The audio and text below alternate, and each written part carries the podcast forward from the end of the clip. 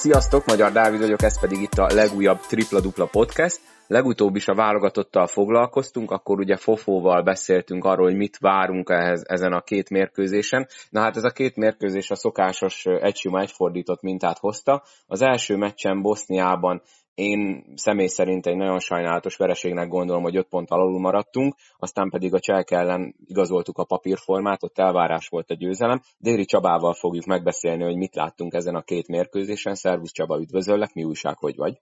Jól, épp a iskolába letettem a fiaimat, és állok a podcast rendelkezésére, úgyhogy kezdhetjük is szerintem a, a beszélgetést nem fogunk úgy konkrétan a mérkőzésekről beszélni, hogy mi volt, hogy volt, hanem én az okokról szeretnék egy kicsit beszélgetni. Nyilván, aki látta, látta, aki nem látta, olvasta, tehát aki hallgatja ezt a podcastet, tisztában van az eredményekkel. Ugye 5 pontos vereség Szarajevóban 83-78, itthon pedig egy magabiztos 83-69-es győzelem a csehek ellen.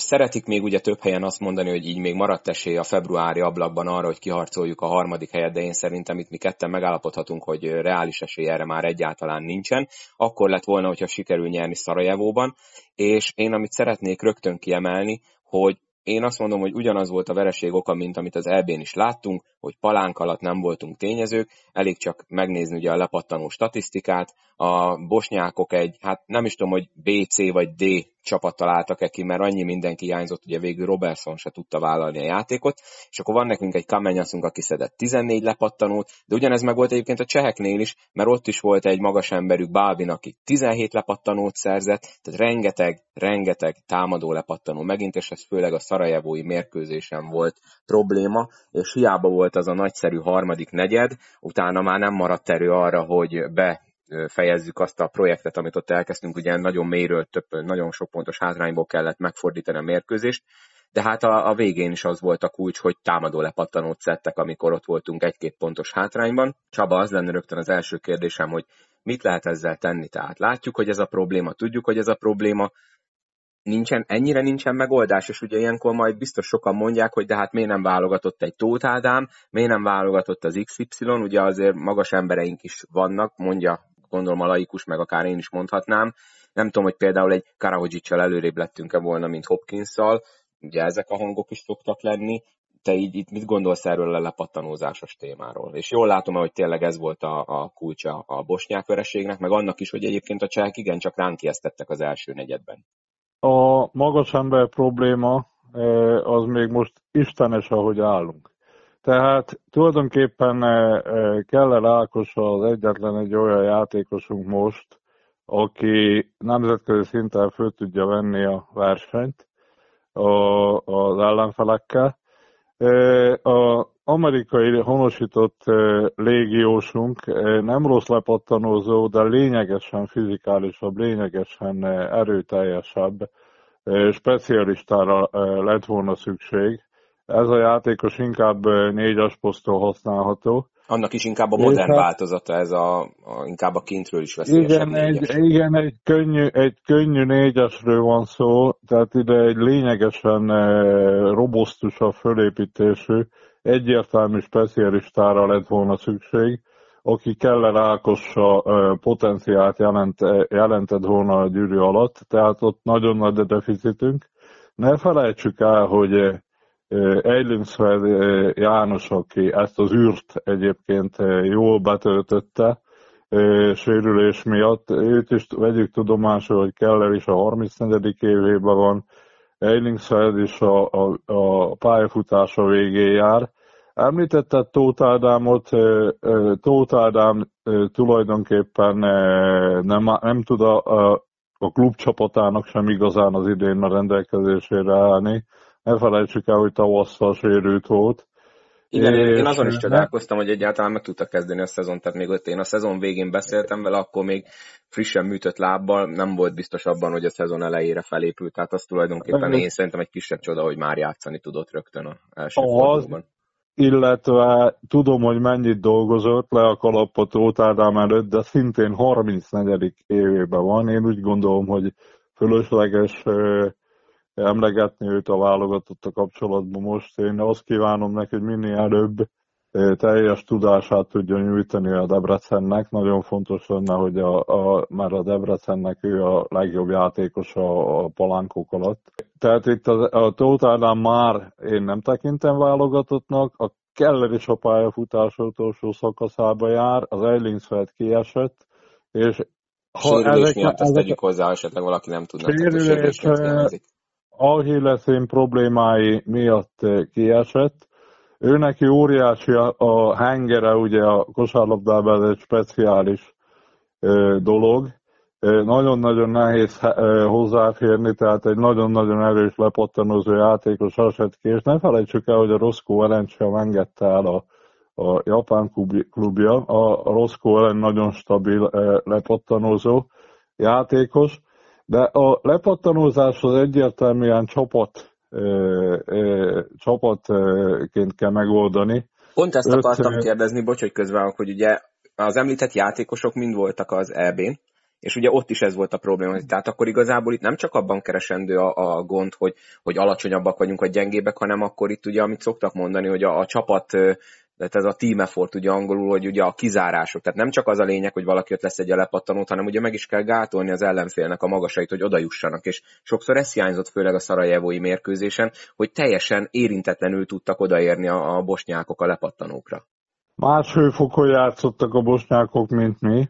Elképesztő energiát tettek bele a, a szabadlabdák megszerzésébe, úgy általában ezen belül a lepattanózásba is Ugye klasszikus példa a kosárlabdában a régi nagy PVSK, ugye ott a, nagyon sokszor az Iványi Dalma irányítóként volt a legjobb lepattanozó, tehát mindenki kizárta az emberét, és rengetegszer ugye a Dalma anticipálta a lepattanót, hogy hova megy, rengetegszer ő szerezte a legtöbb lepattanót, zseniális játékos volt.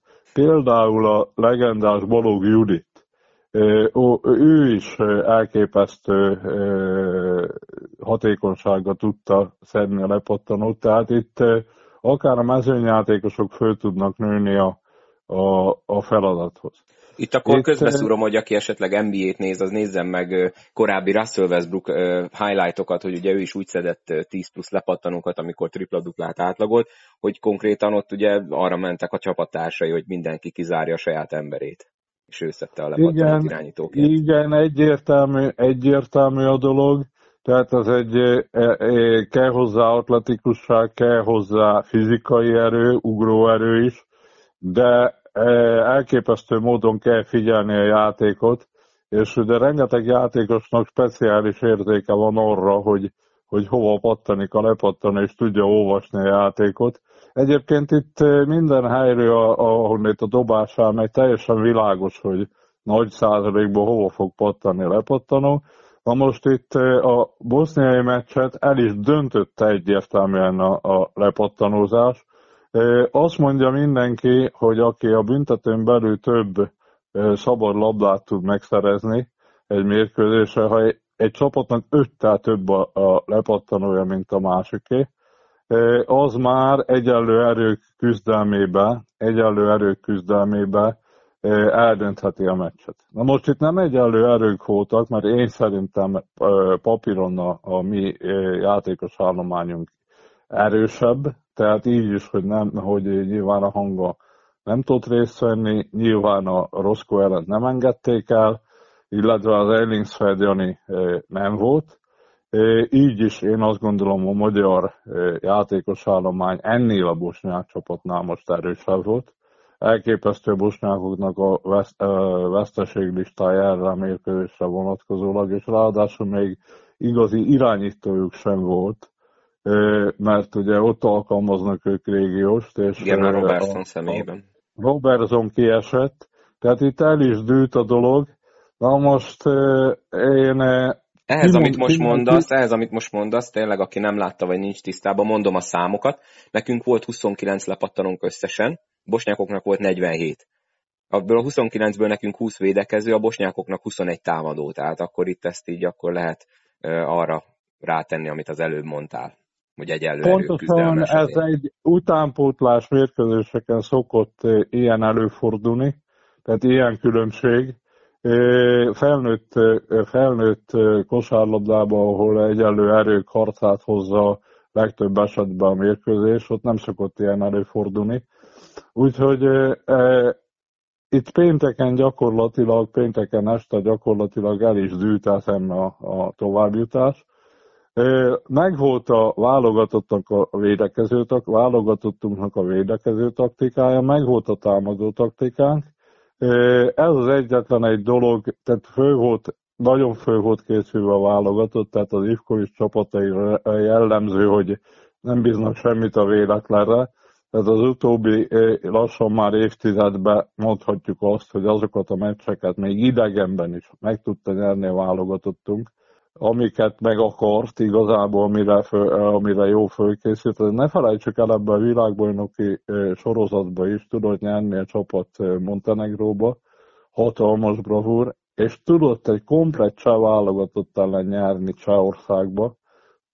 Csehországot kétszer tudtuk verni, oda-vissza, ezek óriási bravúrok, de igazából a, a, a, a továbbjutásunk, a reális esély a továbbjutásra nyilván még vannak matematikai számítások, de ugye, ahogy az előbb mondta, de ez gyakorlatilag ott Szarajevóba múlt pénteken el, elúszott, egyértelműen a lepattanózáson. És amit szeretnék ehhez hozzáfűzni. Nem látok a, a, a, a 25 év alatti, vagy 30, akár még a 30 év alatti korosztályban sem, magas posztra való, nemzetközi szintre való játékosokat.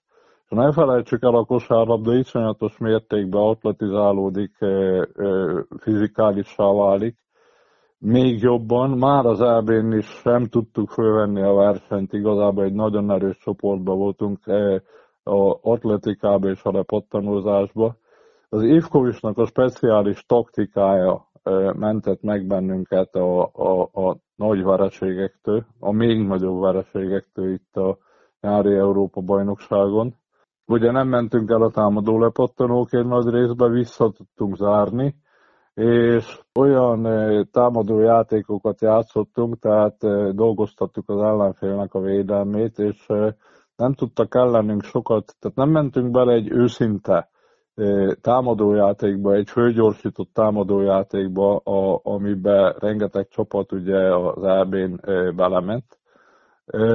Mi ugye nagyon okosak voltunk, a, a Ivkovics zseniálisan találta ki a taktikát, illetve nem, illetve nem mindig vettek bennünk komolyan az ellenfelek, tehát voltak az ellenfeleinknél hozzáállásbeli gondok, és nagyon sokszor lebecsültek bennünk. Egyébként a, itt az EB-n nagyon nagy csapatokkal játszottunk, egy, tényleg egy halálcsoportot. Amit akarok hozzáfűzni, hogy a következő időszakban készüljünk föl hogy sokkal rosszabb lesz a tényező, ugyanis nem látom a magas karaktereket. Igazából ennek a tavónak a lassan több mint lassan 12 éve alatt Igazából nem foglalkoztak az utánpótlás edzők, utánpótlás klubok a magas játékosokkal. Én olyan klubból vagyok, olyan városba születtem, ahol szent dolog volt a magas játékosokkal való foglalkozás. Itt különösen a legendás edző a Patonai Imre, ugye Körmendről van szó, dolgozott különösen sokat, és ugye régen, régen is mind megvoltak azok a műhelyek, akikből a legendás nagy játékosok jöttek ki Magyarországon, a magasok, és, és a következő évtizedben, vagy akár, akár ha nem változik valami a szemléletben az utánpótlás edzőinknél, klubjainknál, és nem kezdünk el foglalkozni kiemelten a, a magas játékosokkal, én látok törekvést erre Kecskeméten, most ugye Rádgéber Akadémiánál ugye egy külön programot indítanak erre. Kérdezem, hogy miért 12 év után jut el ez, vagy ennek csak egy reklám jellege van, vagy mit értünk rajt. Óriási problémáink vannak a magas játékosokkal, kiemelten a magas játékosokkal. Úgyhogy erre föl kell készülni a szurkolóknak is, a szakmának is, hogy a következő évtized legneurologikusabb pontjáról beszélünk most. Nem látok karaktereket az utánpótlásunkba, és nem érzem egyáltalán azt, hogy itt lenne nemzetközi szintű magas játékosunk. Hatalmas problémáink lesznek ebből a dologból következő, következő évtizedben. Na itt én ehhez szeretnék hozzászólni. Most gondolom mindenki azt hiszi, hogy például, hogy itt említettem Kamenyászt a bosnyákoktól, aki leszette azt a 10x lepattanót. Most mondom a, a FIBA hivatalos oldalán, ő 205 cm-nek van írva. Michael Hopkins nálunk 206, Golomán György 211, tehát nem az van, hogy az ellenfélnél olyan Yao Ming vagy akár Boban Marjanovics szintű ilyen 220 környéki magasok vannak, akik tényleg mellettük eltörpülnek a mieink, és akkor én arra kérdezek rá, hogy mondtad ugye, hogy nagyon jól fel volt készítve a csapat. De akkor tényleg ez a, ez a fajta felkészítés, hogy, hogy akkor legyen meg a kizárás, mindenki figyeljen oda a dolgára, akkor nem lehet, hogy mégiscsak ebbe volt egy pici probléma, mert látjuk, tehát nem az van, hogy másfél fejjel magasabb még a mi magas emberünknél is az ellenfélnek a, a középső ember a centere.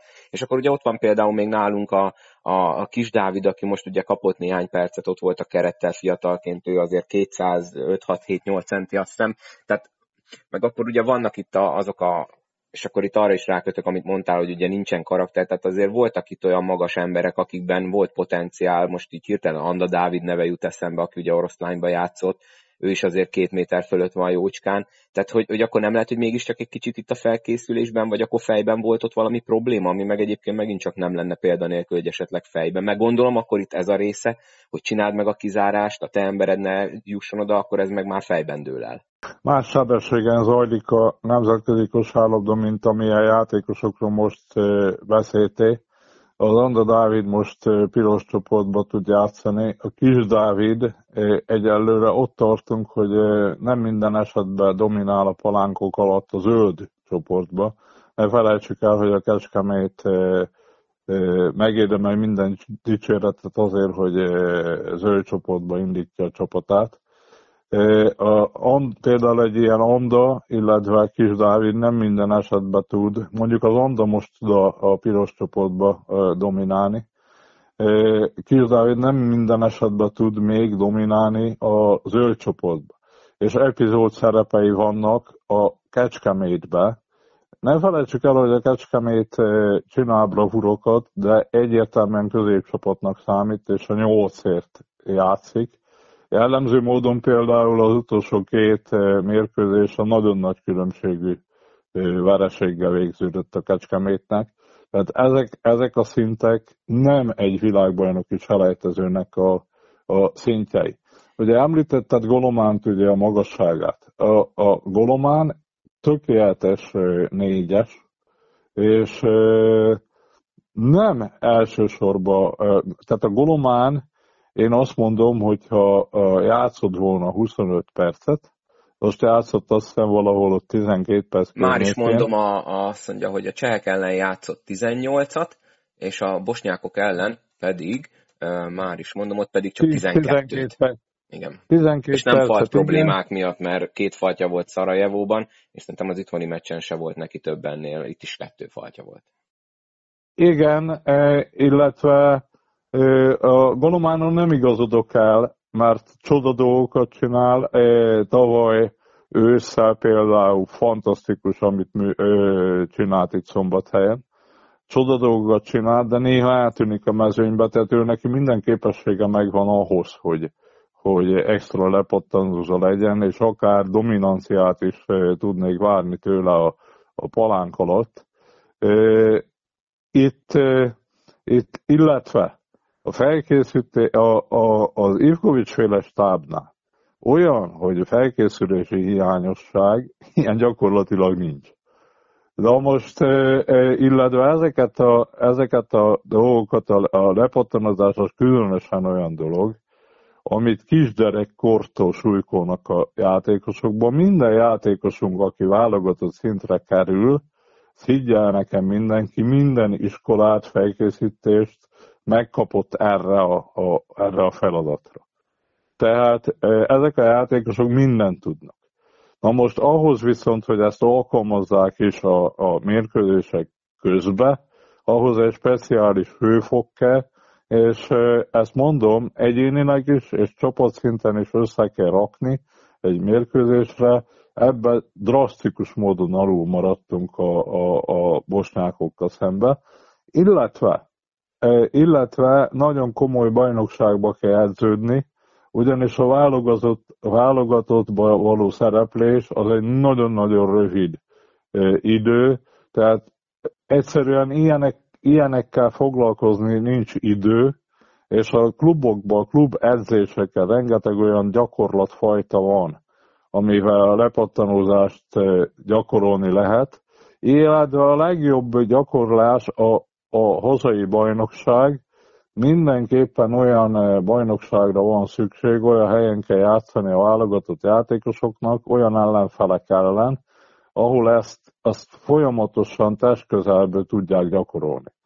Tehát itt a bajnokság színvonala minden esetben kilátszik az ilyen dolgokon, a lepattanózáson, a, a gyenge oldalról való tömörülésből, rotációkból, meg minden egyébből. Úgyhogy ez is egy, ez egy rendkívül összetett dolog, erről akár egy teljes podcastet beszélhetnénk még azért egy nagyon pici pozitívumot itt hozzácsapok, hogy ne úgy tűnjön, hogy én ilyen pessimista vagyok, meg csak a rosszat látom. Azért az a harmadik negyed, az a 26-10, az, az szép munka volt, kár, hogy nem sikerült befejezni. Itt a felkészüléshez egy olyat tennék hozzá, hogy arról mi a véleményed, ugye erről tavaly itt mi ketten nagyon sokat beszélgettünk, hogy mekkora szünetet tartanak a bajnokságban, a válogatott ablakokban, Ugye most október 30-án volt egy falkollaj, amiről hát szégyen szemre itt nem beszéltünk a, a podcastben, majd igyekszünk bepótolni. Ez ugye egy vasárnapi nap volt. És ha nekem jók az infóim, jókat csiripeltek a, a madaraim, akkor a válogatott csak utána héten, november 6-án vasárnap gyűlt össze, tehát a, a keret akkor gyűlt össze Kecskeméten, hogy kezdje meg a felkészülést. És hát ugye ott hétközben megint láttuk, hogy Európában mindenhol volt még egy bajnoki forduló. Tehát akkor ennek megint így mi értelme volt ez az én laikus kérdésem, hogy akkor ott, ott nyugodtan lehetett volna tartani még egy hétközi fordulót, ha úgysem történt semmi. Tehát akkor igazából megint nem volt több idő a összetartásra. Is, akár hétvégét is a nemzetközi kosárlabda pörög, jellemzően a, a mérkőzések... Hát főleg úgy, tart... hogy ugye, bocs, hogy megint közbevágtam, ugye most a szokottnál sokkal több légiósunk volt, tehát ugye a korábbi Falkó kontingens most nem tudott hamarabb érkezni, mert ugye ők még, hát azt hiszem a Váradi Beniék még vasárnap játszották a, a Zalgiris elleni nagy rangadójukat, tehát igazából Na, érte, értitek gondolom, én, mire én, én, én, én teljesen egyértelműen a játék mellett vagyok. Én ennek nem láttam a funkcióját, ennek a, ez egy fölösleges luxus hét volt. A klubok, tudom, hogy a klubok kilódnak, edzőmeccseket kell szervezni, a kluboknak jobb lett volna, hogyha játszottak volna. Én azt gondolom, hogy a játékosoknak, a válogatott játékosoknak itt például nagyon sok, aki itthon játszik Magyarországon, a, aki külföldön játszik, az eleve játszott, aki meg itthon játszik Magyarországon, és kapott plusz egy hetet, ezt pihenésre töltötte, illetve nem, kiesett a ritmusból. Tehát tökéletesen alkalmas arra, hogy kiessen a ritmusból. Frissülésre, pihenésre jó. Például most mondok egy példát, a, a, a Keller Ákosról a tizedik bőrt nyúzza le az utolsó 20 évben a magyar kosárlabda. Vagy, bocsánat, 15 évben a, a magyar kosárlabdását minden esetben válogatott rendelkezésre áll. Ő minden esetben ugye bajnoki címér játszó csapatban volt játékos, és nemzetközi kupákban is minden esetben induló csapatban volt, minden rendezvényen részt vett. Ő neki a szervezetének biztos, hogy jót tesz egy hét pihenő, vagy egy Perzoltánnak, aki aki gyakorlatilag tényleg MVP szinten játszik évek óta, minden fronton ő is. Nekik biztos, hogy egy hét plusz föl tudtak frissülni, és úgy tudtak menni a válogatott keretbe. De egyértelmű, hogy a többségnek jobb, hogyha mérkőzés van. És a kluboknak is jobb, hogyha mérkőzés van. Tehát én teljesen fölöslegesnek tartom ezt a luxusnak tartom, ezt a plusz egy hetet, és az egy kluboknál ebben a mostani, a mostani gazdasági helyzetben ez egy fölöslegesen kidobott pénzkategória.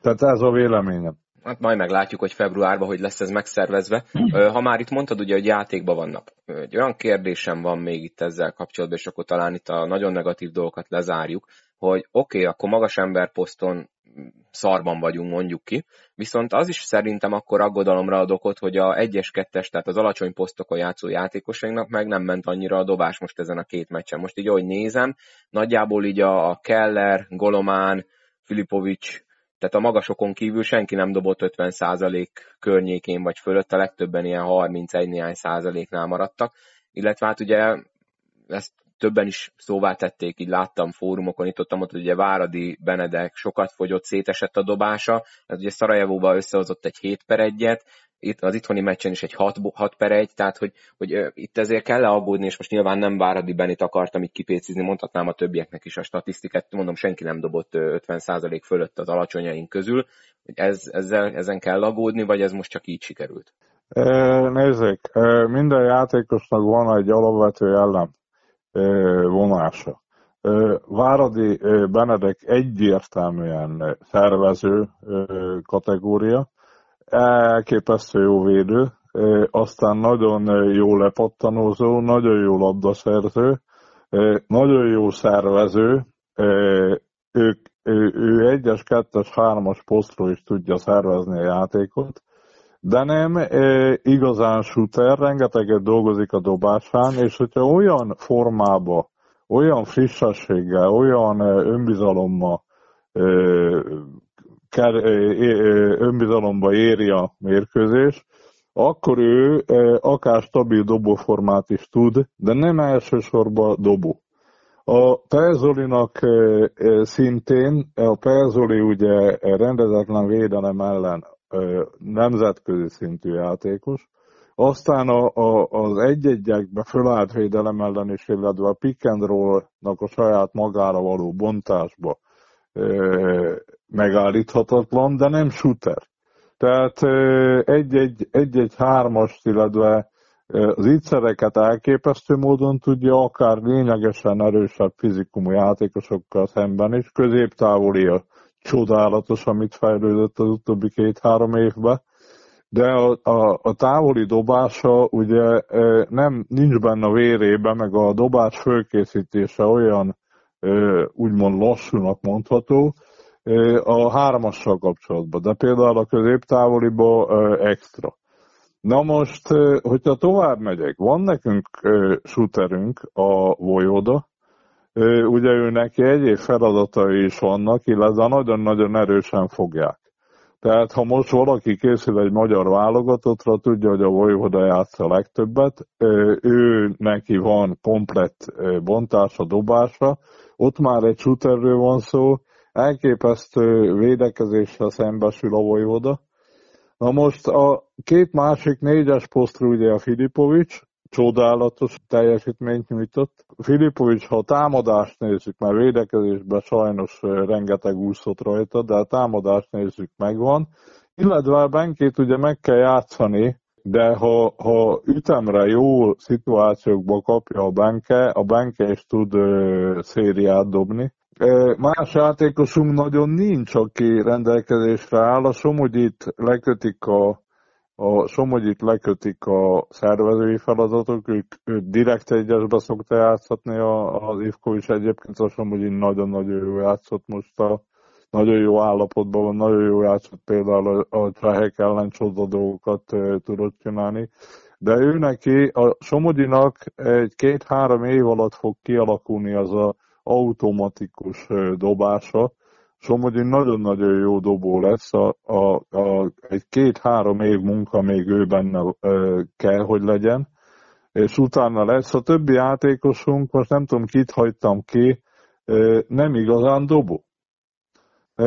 Úgyhogy ebbe is van deficitünk, de, de, de nem akkora deficitünk van, mint a, a palánk alatti játékosok területén.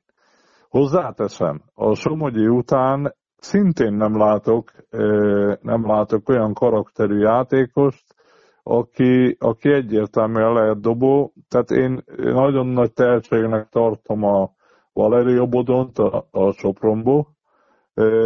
aztán, de nem jellemző rá a, a jó külső dobás. A Lukás Norbira egyáltalán nem jellemző a, a külső dobást, akit ugye, ugye reménységnek tartunk. És a alatta lévő korosztályokban ugye, aki nézte nyáron a, a, B csoportos EB-ket, ahol egyébként itt tudom én, 13. helyen végeztünk, az körülbelül tudjuk, hogy mit jelent Európában. Ott se láttam igazán se magasat, se irányítót, se igazi, igazi olyat, akiből dobót lehetne faragni. Tehát egyszerűen hiányzik. Tehát a minőség, az utánpótlásunkból minőség egyértelműen hiányzik.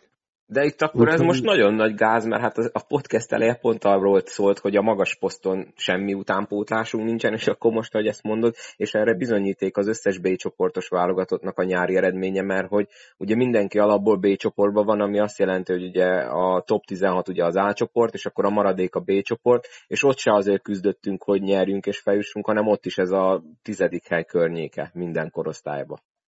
Hát nézzék, az U20 ha, ha nem lett volna ez, a, azt köszönjük meg a Putyinnak, hogy nem a kiesés ellen játszottunk, mert ha ott a csoportunkba beosztott lengyel válogatott nem kerül föl a Ugye az oroszokat levették a műsorról, a lengyel válogatott följebb került az átcsoportba, bivaj erős a lengyel válogatott, a, az U20-unk, az kérem szépen ebben a formában, ha lettek volna az oroszok is, vagy a lengyelek is, akkor egyértelműen kiesés ellen játszott volna.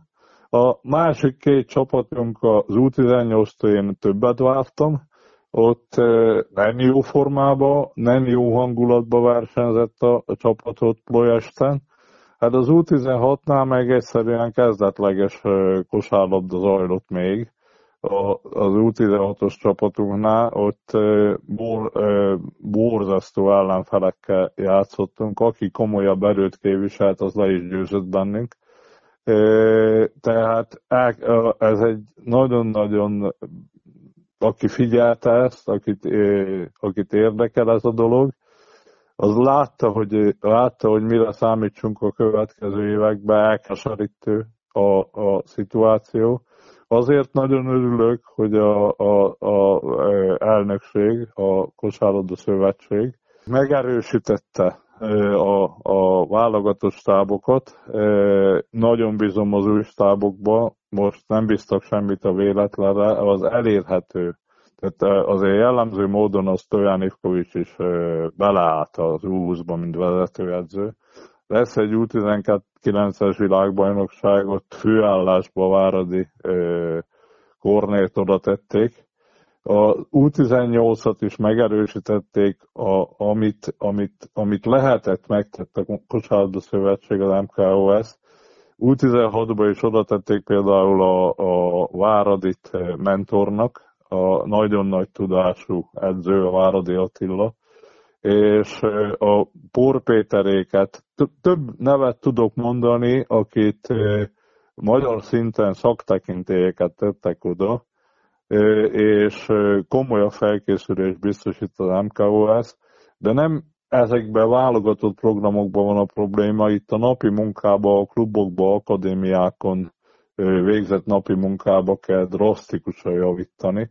És amit az Ivkovics ugye mindig mond, a fizikai képességfejlesztés, tehát itt az atlétika, aztán a fizikai elő, akár mondhatom, a, a, a, a, akár a súlyt is pakolni kell az emberekre, dinamikus, használható kilókat kell rárakni az emberekre. Rengeteg dolgot tudnánk erről mesélni. Csaba, Csaba, Csaba, hagyd szúrjak közbe egy kérdést, ezt Fofónak is feltettem legutóbb. Ugye te is mondtad, hogy már 10x éve tart a TAO rendszer, utánpótlás. És mégis, még ennyi év után is ez jön elő, hogy súly, meg nem vagyunk elég fizikálisan erősek, és a többi, és a többi. Bárki, aki ugye kiigazol külföldre, ha jól tudom, most Váradi Benedek is ezt mondta a nemzeti sportnak, hogy hazajött, hogy sokkal intenzívebbek az edzések, nem, nincs pihenő, stb. stb. Kérdem én, tényleg, lehet, hogy tök hülye vagyok, meg, meg nem látom a fától az erdőt, de ha mindenki ezt szajkózza, és megy tizenéve a TAO rendszer, aminek pont az utánpótlás a lényege, akkor miért nem tudunk mi is ilyen fizikális edzéseket tartani? Miért van az, hogy nincsen kiló, nincsen izom a mi játékosainkon, mikor izom, izomtömeget lehet csinálni, lehet növeszteni. Vagy most teljesen hülye vagyok? Nem. Köszönöm. Ez a dolog nem, nem, ez a dolog nem történt meg. Elképesztő deficit van a, az utánpótlás akadémiáinkon. Elsősorban kosárlabda tudásba. Kosárlabda képzettségben van, a nemzetközi szinthez egy két-három éves csúszás, két-három éves deficit. Ez, a, ez egyértelműen vezetői kérdés. Tehát a minden utánpótlás edző meg játékos annyit csinál, amennyit követelnek tőle. Tehát itt a kosárlabda tudásbeli, képzettségbeli deficit az két-három éves. És akkor az, a fizikai mennyi? Fizikai már rögtön a, a, a kiválasztástól kezdődik, tehát itt rengeteg olyan gyerek kosárlabdázik egyébként. Itt egyébként melyik korosztályra kell gondolni? Hol kezdődik most nálunk a kiválasztás? A kiválasztásnak el kell kezdeni, el kell kezdődni, ugye ez már az óvodában, meg a kisgyerekkorban való játszástól, illetve a, a, a egyéb másik sportágaktól, udvaron focizástól, meg egyébtől kezdődik a, a gyere, egy gyereknek a fizikális, motorikus képességeinek a fejlődése. Vannak szenzitív időszakok, ugye a mozgáskultúra az 8-9-10 éves korban, aztán a, a, a, a gyorsaság, aztán az egyensúly, mit tudom én, 10-12 éves korban, aztán a, a, ebben az időszakban már el kell kezdeni a technikát ö, ö, dolgozni, óriási viták vannak. Én azt gondolom, hogy például a dobást is sokkal előbb kell tanítani, míg körmenden, vagy ugye régen Baján a nagydobó játékosok már kisgyerekkorba elkezdték a, a dobást iskolázni, illetve gyakorolni. A fizikai képességfejlesztésnek teljesen precízen megvan az időszaka, hogy mikor kell még saját súlya, aztán mikor kell eh, be, eh, belevenni a kézisúlyzót, mikor kell az olimpiai rúddal való edzést elkezdeni, aztán eh, a, a gyorsaság, mikor meg az egyensúly, meg az ügyesség, aztán a minden irányú mozgásoknak a fejlesztése mikor történik meg, ez teljesen precízen megvan, illetve mikor lehet drasztikusan izomerőt növelni, ugye a hossz növekedést kell nézni, meg az teljesen egyéni, mert főleg a fiúknál, amiről ugye most beszélünk, ott olyan növekedési, meg nyúlási fázisok vannak, amikor a, a, a megelőzi, lényegesen megelőzi például a csöves csontok nőnek először, az izomzat az később, és ugye a szív, a légzés, meg egyéb, ez egy borzasztó összetett, illetve amikor nyúlási fázisok vannak, akkor megvan, hogy milyen terhelést lehet adni. Ezeket pontosan, pontosan tudja mindenki, mert ennélkül nem De akkor, hogyha ezt mindenki nem... tudja, mert te itt most tök jól elmondtad, akkor nyilván a többi szakember is tudja. Nagyon jól tudjuk, hogy az elmúlt tíz évben mennyi infrastruktúra épült erre. Akkor mégis miért nincs eredménye? Teszem itt fel a millió forintos kérdést. Egyértelműen, egyértelműen ezek nem lettek megkövetelve, illetve nem lettek végrehajtva. Tehát egyértelműen fordítva ülünk a lovon, az alsóbb korosztályokban kell lényegesen erősebb munkát végezni, tehát, tehát nem én találtam fel a spanyol viaszt, ezt hallom, 48 éve vagyok a kosárlabdában, 1970-es években, amikor Tatán szokott lenni ilyen felmérő tábor, már ott az előadások arról szóltak, hogy fizikai hátrányba vagyunk, meg a többi, meg a többi. 48 éve hallgatom ezt, és attól félek, hogy nem tudom hány évet élek még, még ebben a hátralévő éveimben is ezt kell hallgatni. Egyszerűen nem hajtják végre az edzők a feladatokat, illetve, illetve nincs megkövetelve sem a kosárlabda szakmai munka olyan szinten, ahogy kéne, sem az atlétikai munka, sem, a, sem a, a, az erőfejlesztő munka, mindenki pontosan tudja. mindenki pontosan tudja. Én is tudok beszélni, el tudom mondani két-három órán keresztül, hogy mi a ezzel kapcsolatos feladatok. Sőt, nekem most van egy tíz és fél éves fiam, meg egy tizenegy és fél éves fiam, nekem pont a kellős közepén vannak itt a, a, egy, egy bizonyos ö, mozgás kultúrának a, a kifejlesztésébe. Tehát én például napi, nap, naponta látom a saját fiaimat, hogy nőnek, hogy kéne velük, meg konzultálok. Én például konzultálok edzőkkel ebbe a témába, sőt én magam például a nyári szünetben, most épp az ősz szünetben ilyen dolgokkal foglalkoztam.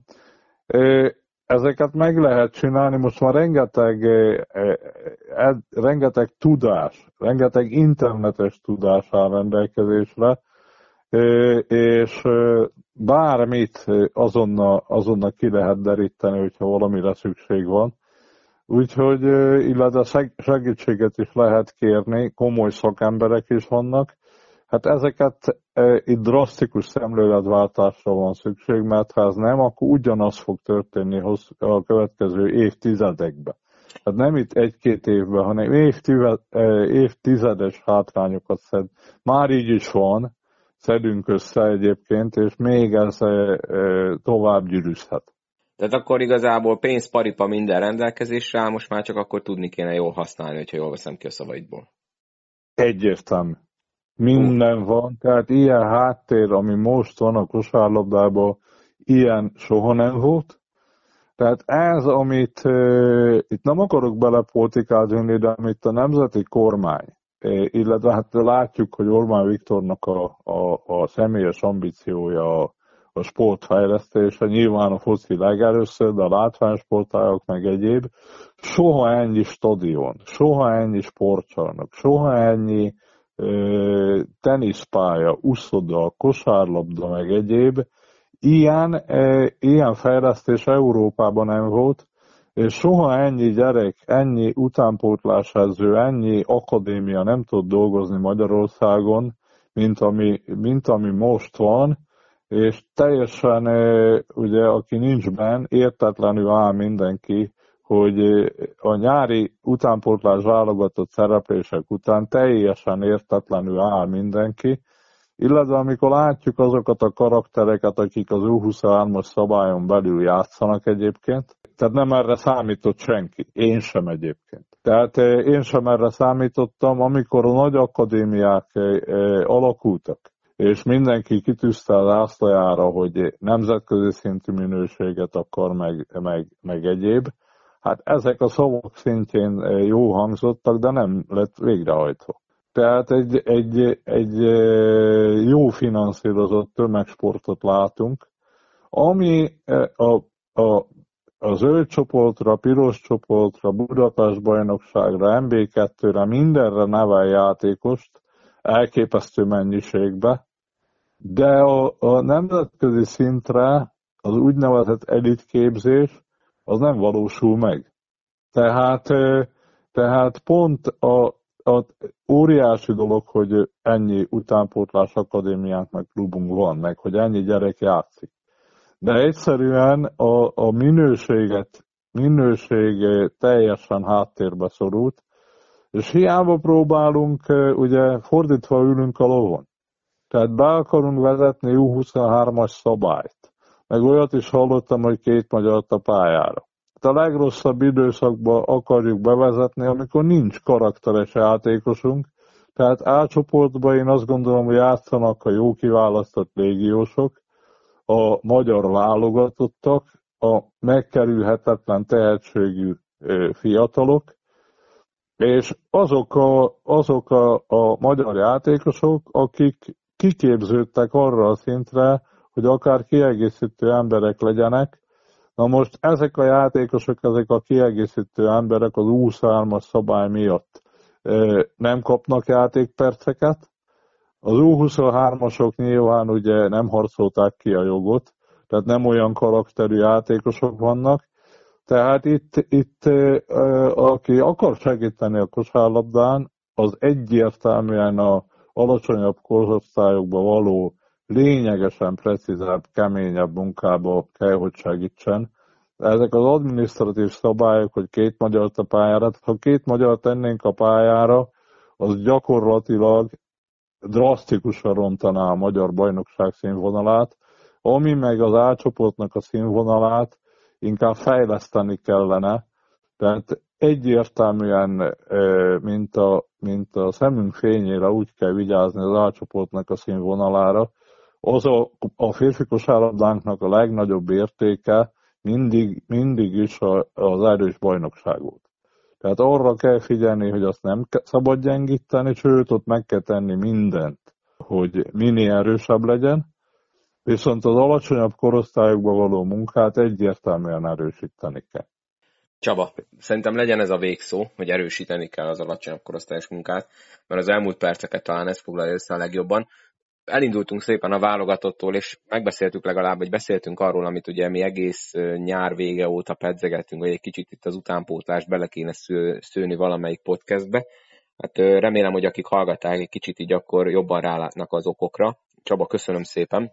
Nem tudom, van-e még valami, amit így a válogatottal kapcsolatban elmondjunk. Én annyit elmondok, hogy ugye lesz még egy ilyen válogatott ablak február végén, 26-án egy vasárnapi napon lesz az utolsó hazai mérkőzésünk itt a selejtezőbe, akkor jönnek a bosnyákok a visszavágóra, előtte meg 23-án csütörtökön játszunk Litvániában, majd gondolom előtte megint leírják mindenhol, hogy van még esély, csak nyerni kell Litvániába, meg ugye megint a szokásos magyar számogatás, hogy más csapatok milyen eredményt érjenek el. Én azt mondom, hogy itt még lesz két ö, remek lehetőség arra, hogy lássunk válogatott mérkőzést, aztán utána meg ugye majd jöhet megint az, hogy akkor levonják a következtetéseket. Annyit azért szeretnék elmondani, hogy az, hogy a válogatottunk e, ilyen e, szinten játszik most már lassan egy évtizede, amit ugye látunk. Ez e, egyértelműen a Ivkovics féle stábnak a Ivkovicsnak a munkáját és a stábnak a munkáját, meg ennek a generációnak a munkáját dicséri, játékos generációnak a munkáját dicséri. az, hogy két egymás utáni Európa bajnokságon. Ott tudunk lenni. Igaz, hogy ez 24-es, de ez nem volt le a, a, a, az értékéből semmit. Illetve, hogy világbajnok, arról beszélünk, hogy egy világbajnokságra kijutásról, kijutásért van esélyünk. Igaz, hogy matematika, vagy volt esélyünk, esetleg mondhatjuk azt, hogy péntekig volt esélyünk. Most már csak matematikai maradt, ezek nagy dolgok. És én azért aggódok jobban a utánpótlásért, illetve a kosárlabdánknak a jövőjéért, mert a jelen az rendben van. Nyilván szeretnék lényegesen erősebb bajnokságot, nyilván szeretnék lényegesen több nemzetközi kupába résztvevő csapatot, nyilván szeretnék még erősebb válogatottat, de majdnem azt mondom, hogy a, a, ez a generáció ha majd utólag nézzük, kimaxolja a lehetőségeit. A jövőt viszont nem látom biztatónak, illetve azon azt szeretném, hogyha, hogyha ott az utánpótlás alján valami olyan drasztikus fordulat kezdődne el, ami egy szebb jövőt jelent majd. De ennek a válogatottnak a teljesítménye előtt le a kalappa. Vannak ilyen napok, mint például a Szarajevói, a péntek, de egyértelműen a dicséret hangján kell beszélni a válogatottunkról. Sokkal-sokkal az összes többi területen, tehát a bajnokságunk színvonalának szervezésébe, aztán az utánpótlásban, meg egyéb területeken, a férfi kosárlabdában rengeteg a feladat, illetve a kluboknak a működésének a szervezésében, egyéb dologban rengeteg a feladat. A válogatottnál is vannak mindig aktuális feladatok, de én ott megoldottnak látom a szituációt, az egyéb területeken nem. Egyértelműen nem, nem megoldott például az utánpótlás munka, azon kell drasztikusan javítani. Én Jó. ezzel zárnám talán Tökéletes, rész, rész. tökéletes zárás. Csaba, köszönöm szépen, hogy itt voltál és beszéltünk a válogatottról. Nektek köszönöm szépen, hogy meghallgattátok ezt az epizódot, és ne felejtsetek el feliratkozni, illetve lájkolni Facebookon, követni Instagramon, mert például ugye erre a hazai mérkőzésre is lehetett jegyet nyerni, egy páros belépőt, és ez valószínűleg így lesz majd februárban is, és az viszont csak ott a közösségi médiában játszható ez a nyereményjáték. Na de hát akkor ennyit erről, legközelebb majd már magyar bajnoksággal foglalkozunk. Csaba, neked még egyszer köszönöm szépen, hogy itt voltál, nektek pedig akkor további kellemes hetet, sziasztok!